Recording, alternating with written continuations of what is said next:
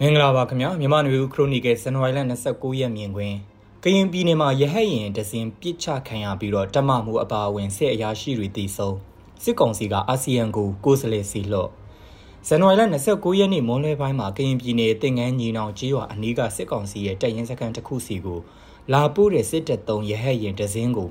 ကိုဘရာစစ်ကြောင်းကပြစ်ချခဲ့ရမှာမြေပြင်ရောက်ခါနေပြတ်ကျပြီးတော့ ရဟတ်ရင်မောင်းနေလာသူလေတက်ကစစ်အရာရှိတွေနဲ့ဗိုလ်မှူးချုပ်အဆင့်တက်မ44ရဲ့တက်မမှုဖြစ်သူနဲ့အခြား၄ဦးသေဆုံးတာနဲ့ပြင်းထန်စွာဒဏ်ရာရတာတွေရှိခဲ့တယ်လို့ KNU ရဲ့ထုတ်ပြန်ချက်ကိုကိုးကားပြီးသတင်းတွေမှာဖော်ပြထားကြတာဖြစ်ပါတယ်။မကြသေးခင်ကာလတွေအထိစစ်ကောင်စီတပ်တွေအနေနဲ့ဗိုလ်မှူးချုပ်ယာတို့အဆင့်ရှိတဲ့သူတွေထိခိုက်ဒေဆုံးမှုမရှိသလောက်နေပါခဲ့ပေမယ့်ဒဇယ်20ကွန်စစ်စင်ရေးနောက်ပိုင်းမှာတော့ဗိုလ်မှူးချုပ်ယာတို့အဆင့်ရှိသူတွေထိခိုက်ဒေဆုံးတာ ရန်သူရဲ့ဖမ်းဆီးမှုခံရတာလက်နက်ချတာတွေခက်စိတ်စိတ်တွေ့လာရတာဖြစ်ပါတယ်။ရှမ်းမြောက်မှာ TNL လက်နက်ကင်အဖွဲ့ကတအူးကိုဖမ်းဆီးရမိခဲ့တယ်လို့အခြားသော6ဦးက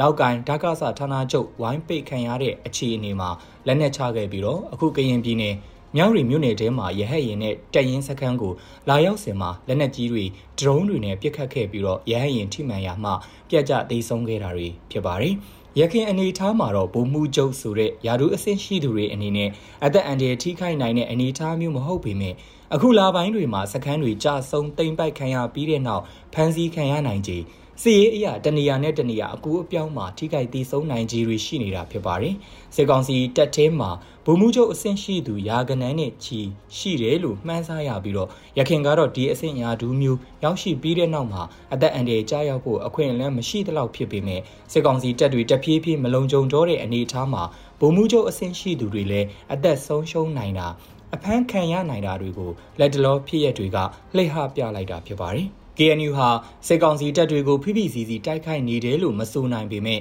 တပ်မဟာနေမြေအလိုက်တော်၎င်း KNU လက်အောက်က KNU နဲ့ PDF လို့ဆိုတဲ့စစ်အာဏာသိမ်းပြီးတဲ့နောက်လက်နက်ကင်လမ်းကြောင်းကိုရွေးချယ်သွားကြသူတွေနဲ့ပေါင်းဆက်ဖွဲ့စည်းထားတဲ့စစ်ကြောင်းတွေကဟိုတကွက်ဒီတကွက်တိုက်ခိုက်နေကြတာလည်းဖြစ်ပါတယ်။ ကော့ဂရိတ်ချောင်းနှခွစတဲ့နေရာတွေက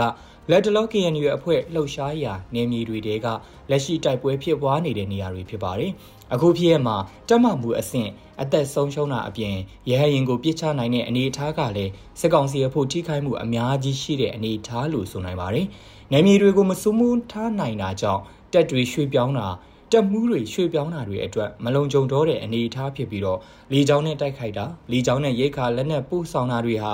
လုံနိုင်လို့အသာစီးရထားတယ်လို့ယူဆချက်ကလည်းအပြည့်အဝမှန်ကန်ခြင်းမရှိဘဲနေပြီးတော့စစ်ရုံးနဲ့တိုင်းစစ်ဌာနချုပ်မှာထိုင်တဲ့ဗိုလ်ချုပ်တွေကလွဲလို့ကြံတဲ့တက်မှုတွေဘယ်သူမဆိုအန်ဒီရှိနေစေဆိုတာကိုပြသလိုက်တယ်လို့ဖြစ်စီပါတယ်ဒီနေ့အဖို့နောက်အကြောင်းအရာတစ်ခုကတော့လာအိုနိုင်ငံ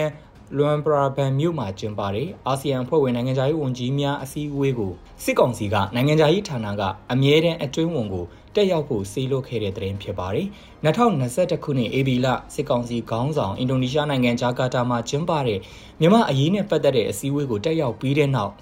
အာဆီယံဘက်က နိုင်ငံရေးအရာခန့်အပ်ထားတဲ့သူတွေကိုမဖိတ်ကြားဖို့ကန့်သက်ချက်ချမှတ်ခဲ့တယ်လို့မြန်မာစစ်ကောင်စီကလည်းနိုင်ငံရေးအရာခန့်ထားသူတက်ရောက်ခွင့်မရှိတာကိုအကြောင်းပြုပြီးတော့နိုင်ငံခြားရေးဌာနကအရာရှိတဦးတက်ရောက်ကိုမြအာဆီယံအစည်းအဝေးကိုဆီလွတ်ခြင်းမပြုဘဲထားခဲ့တာဖြစ်ပါတယ်။အာဆီယံအဖွဲ့အနေနဲ့မဟုတ်ဘဲစစ်ကောင်စီနိုင်ငံခြားရေးဝန်ကြီးဖြစ်သူနဲ့ထိုင်းနိုင်ငံခြားရေးဝန်ကြီးနဲ့တီးခြားတွေ့ဆုံတာမျိုးတွေကိုသာရှိခဲ့ရက အခုတစ်ချိန်လာအိုနိုင်ငံကအလှည့်ကျတာဝန်ယူချိန်မှာစစ်ကောင်စီကကိုယ်စားလှယ်တအူးတက်ရောက်ဖို့စီလုပ်ခဲ့တာဖြစ်ပါတယ်။တရုတ်နိုင်ငံနဲ့ရင်းနှီးတဲ့ဆက်ဆံရေးရှိတဲ့လာအိုနိုင်ငံက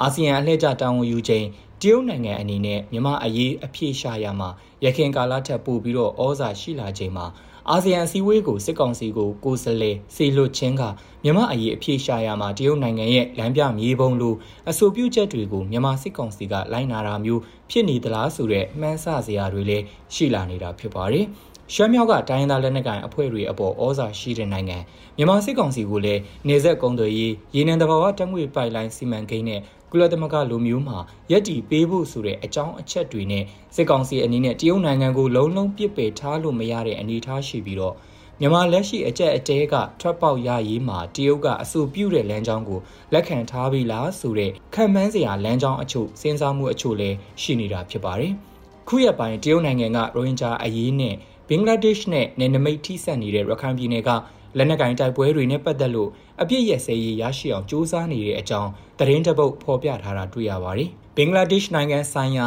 တရုတ်တန်အမတ်ကဘင်္ဂလားဒေ့ရှ်နိုင်ငံသားရေးဝန်ကြီးကိုတွားရောက်တွေ့ဆုံခဲ့ပြီးရခိုင်ပြည်နယ်မှာအပြစ်ရက်ရေးနဲ့ရိုဟင်ဂျာဒုက္ခသည်တွေနေရပြန်ရေးကိုကြိုးပမ်းနေတဲ့အကြောင်း ပြောကြားခဲ့တယ်လို့သတင်းမှပါရှိပါတယ်။ရိုဟင်ဂျာနေရပြန်ရေးကိုတရုတ်နိုင်ငံကဂျားဝင်ညှိနှိုင်းဖို့ကြိုးစားနေတာပြီးခဲ့တဲ့နှစ်တွေကလေးကဖြစ်ပါတယ်။ထင်ရှားတဲ့ရလက်တော့ထွက်ပေါ်လာတာမတွေ့ရသေးပဲလက်တလောရခိုင်ပြည်နယ်မှာလက်နက်ကင်တိုက်ပွဲတွေတကြောပြန်ဖြစ်ပွားလာတဲ့အပေါ်ဂျားဝင်ဆောင်ရွက်ဖို့ထုတ်ပြန်လာတာဖြစ်ပါတယ်။ ရခိုင်ပြည်နယ်ဟာတရုတ်နိုင်ငံယူနန်ပြည်နယ်နဲ့အိန္ဒိယသမုဒ္ဒရာကိုဆက်သွယ်ထားတဲ့ရေနံတဘာဝတက်ငွေပိုက်လိုင်းစတင်အကောင့်ထဲပေါ်တော့မြင့်ကြောက်ဖြူရေနံစိတ်ကမ်းတွေရှိနေတာကြောင့်တရုတ်နိုင်ငံအနေနဲ့တရုတ်နိုင်ငံရဲ့စီးပွားရေးစွမ်းအင်ဆိုင်ရာစီမံကိန်းတွေကိုတက်ရောက်လာမယ့်အကျိုးဆက်တွေကိုမျှော်မှန်းကာကြားဝင်ဖြည့်ရှင်းဖို့ကြိုးစားလာတာလို့ကောက်ချက်ချရပါတယ်။တရုတ်နိုင်ငံအနေနဲ့ရခိုင်ပြည်နယ်အရေးမှာရှမ်းမြောက်လိုဩဇာကြီးကြီးမားမားရှိနိုင်မလား အေအေကိုတရုတ်ကစီယုံပြောဆိုနိုင်မလားဆိုတာစောင့်ကြည့်ရမယ့်အချက်တစ်ချက်လည်းဖြစ်နေသေးတယ်လို့ဆိုရမယ့်